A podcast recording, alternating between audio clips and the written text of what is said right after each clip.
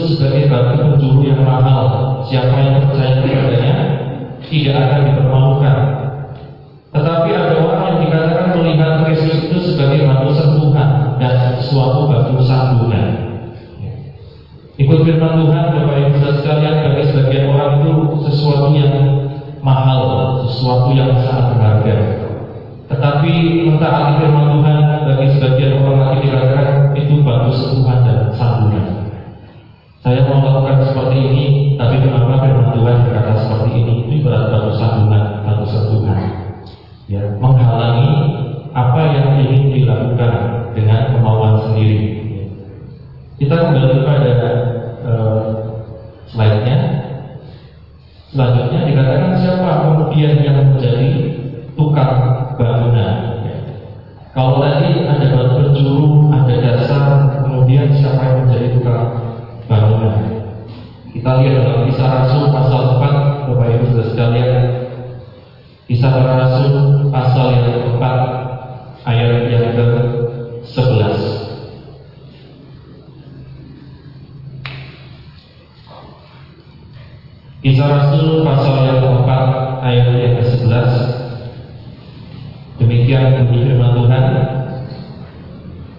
Yesus adalah batu yang dibuang oleh tukang-tukang bangunan, yaitu kamu sendiri.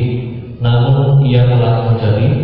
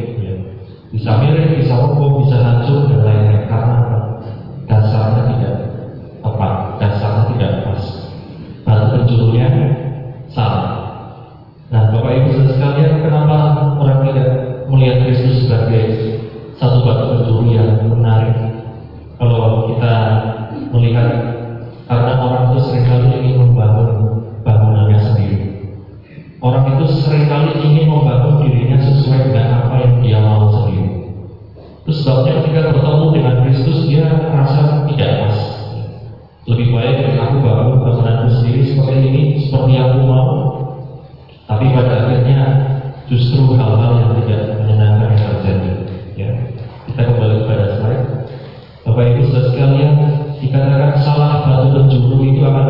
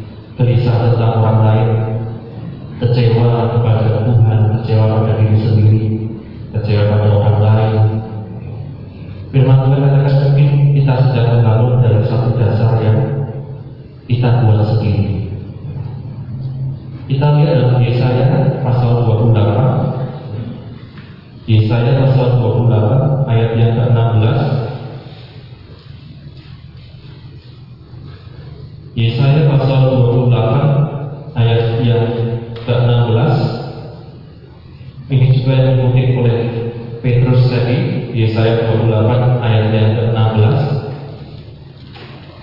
Sebab itu beginilah firman Tuhan Allah Sesungguhnya aku meletakkan sebagai dasar misio Sebuah batu, batu yang teruji Sebuah batu penjuru yang mahal Suatu dasar yang teguh.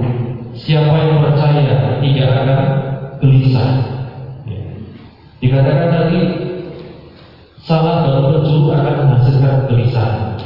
Dalam terjemahan lain dikatakan kekecewaan. Dalam virus dikatakan dipermalukan. Bapak Ibu saudara sekalian kita lihat di sini betapa penting ini dalam kehidupan kita. Kalau dari hari ini kita mengalami tentang apa pun ya, yang membuat kita gelisah, ya. gelisah, kecewa, kemudian apa pun masalah yang kita hadapi. Mari kita melihat kembali kepada juru atau dasar yang sedang kita lakukan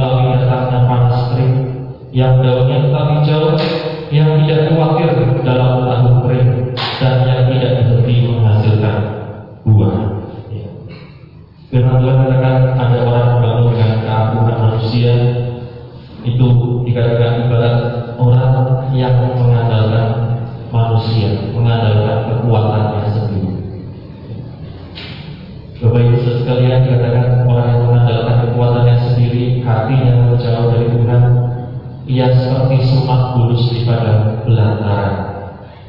Ia tidak mengalami datangnya keadaan baik, tinggal di tanah halus, di negeri padang asin yang tidak berpenduduk. Dalam satu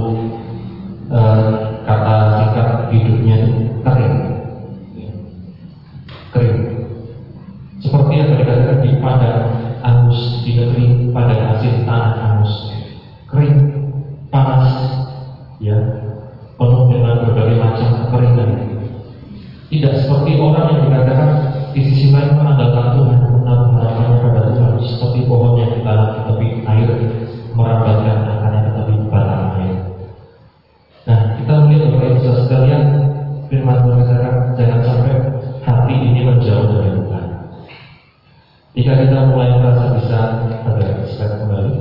Kita mulai merasa bisa merasa mampu dan lain-lain.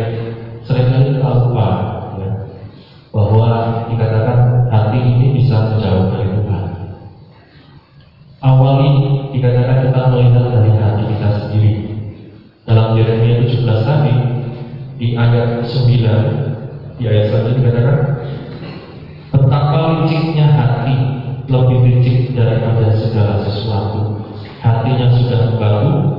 siapakah yang dapat mengetahuinya?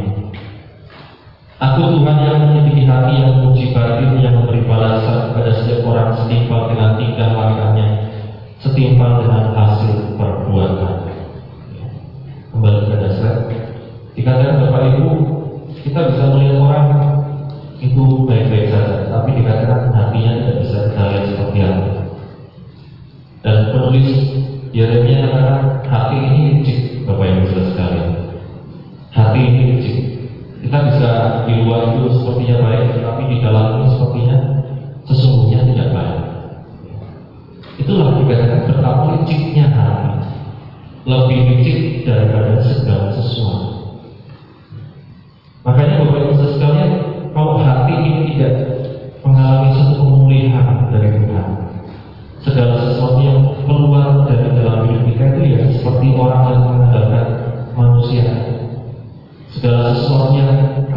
segala sesuatu yang tidak menyenangkan.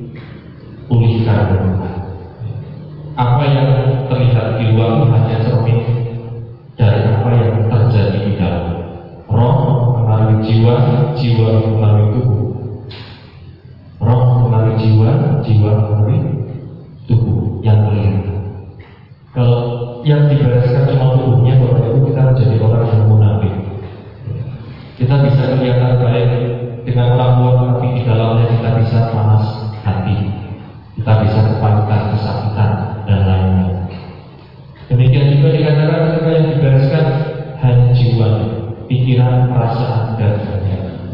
Tapi di dalamnya tidak dibereskan, rohnya tidak dipulihkan. Suatu saat ini juga akan meledak, Bapak Ibu sekali. Ya. Karena jangan sampai kita hanya tertipu atau hanya fokus dengan apa yang terjadi di jiwa kita. Perasaannya enak, pikirannya enak, kehendaknya enak,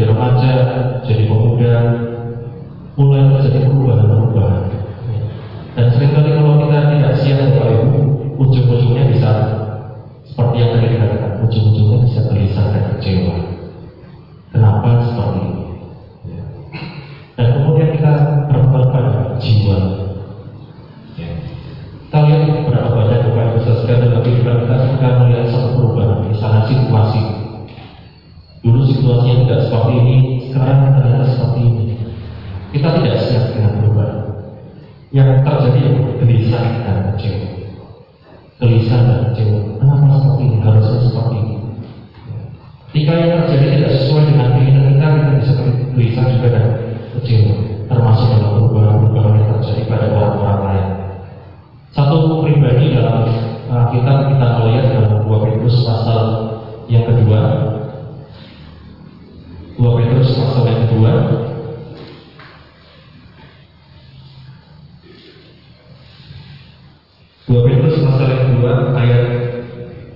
e a Teju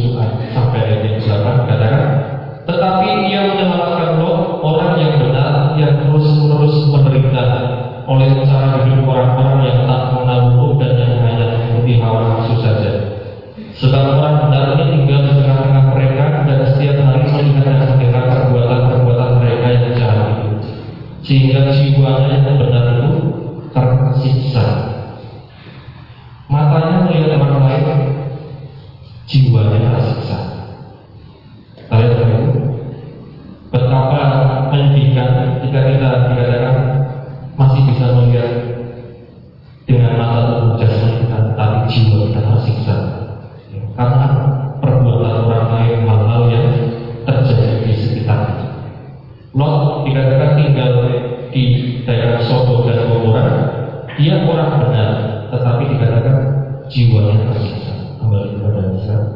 Dia orang benar, tapi jiwanya tersiksa. Bisa jadi dia lakukan hal-hal seperti kita Bapak Ibu ber, e, berusaha kerja dan lain-lain, tapi melihat situasi dunia jiwanya tersiksa. Ya. Nah, Bapak Ibu sekalian, ketika kita melihat dunia ini hanya dari kacamata kita saja,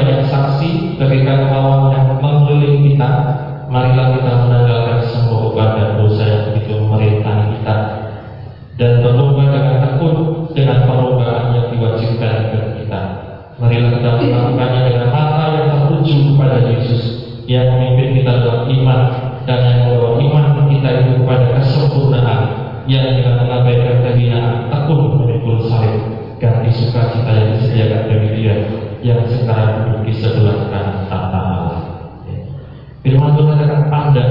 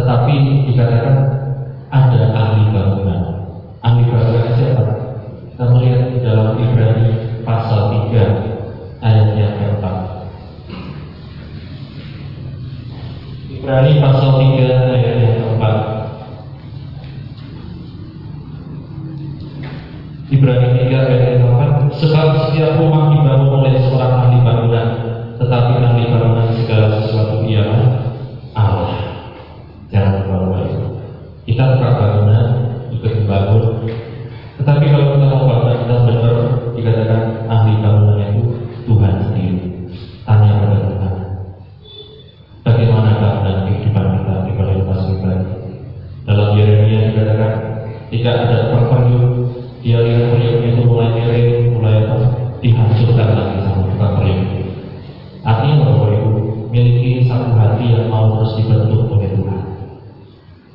Di dalam tiga dikatakan bangunlah dirimu di atas dasar iman yang paling suci dan berdoa di dalam Roh Kudus. Ayat terakhir Yudas pasal 1 Yudas pasal 1 ayat yang ke-20 Yudas 1 ayat yang ke-20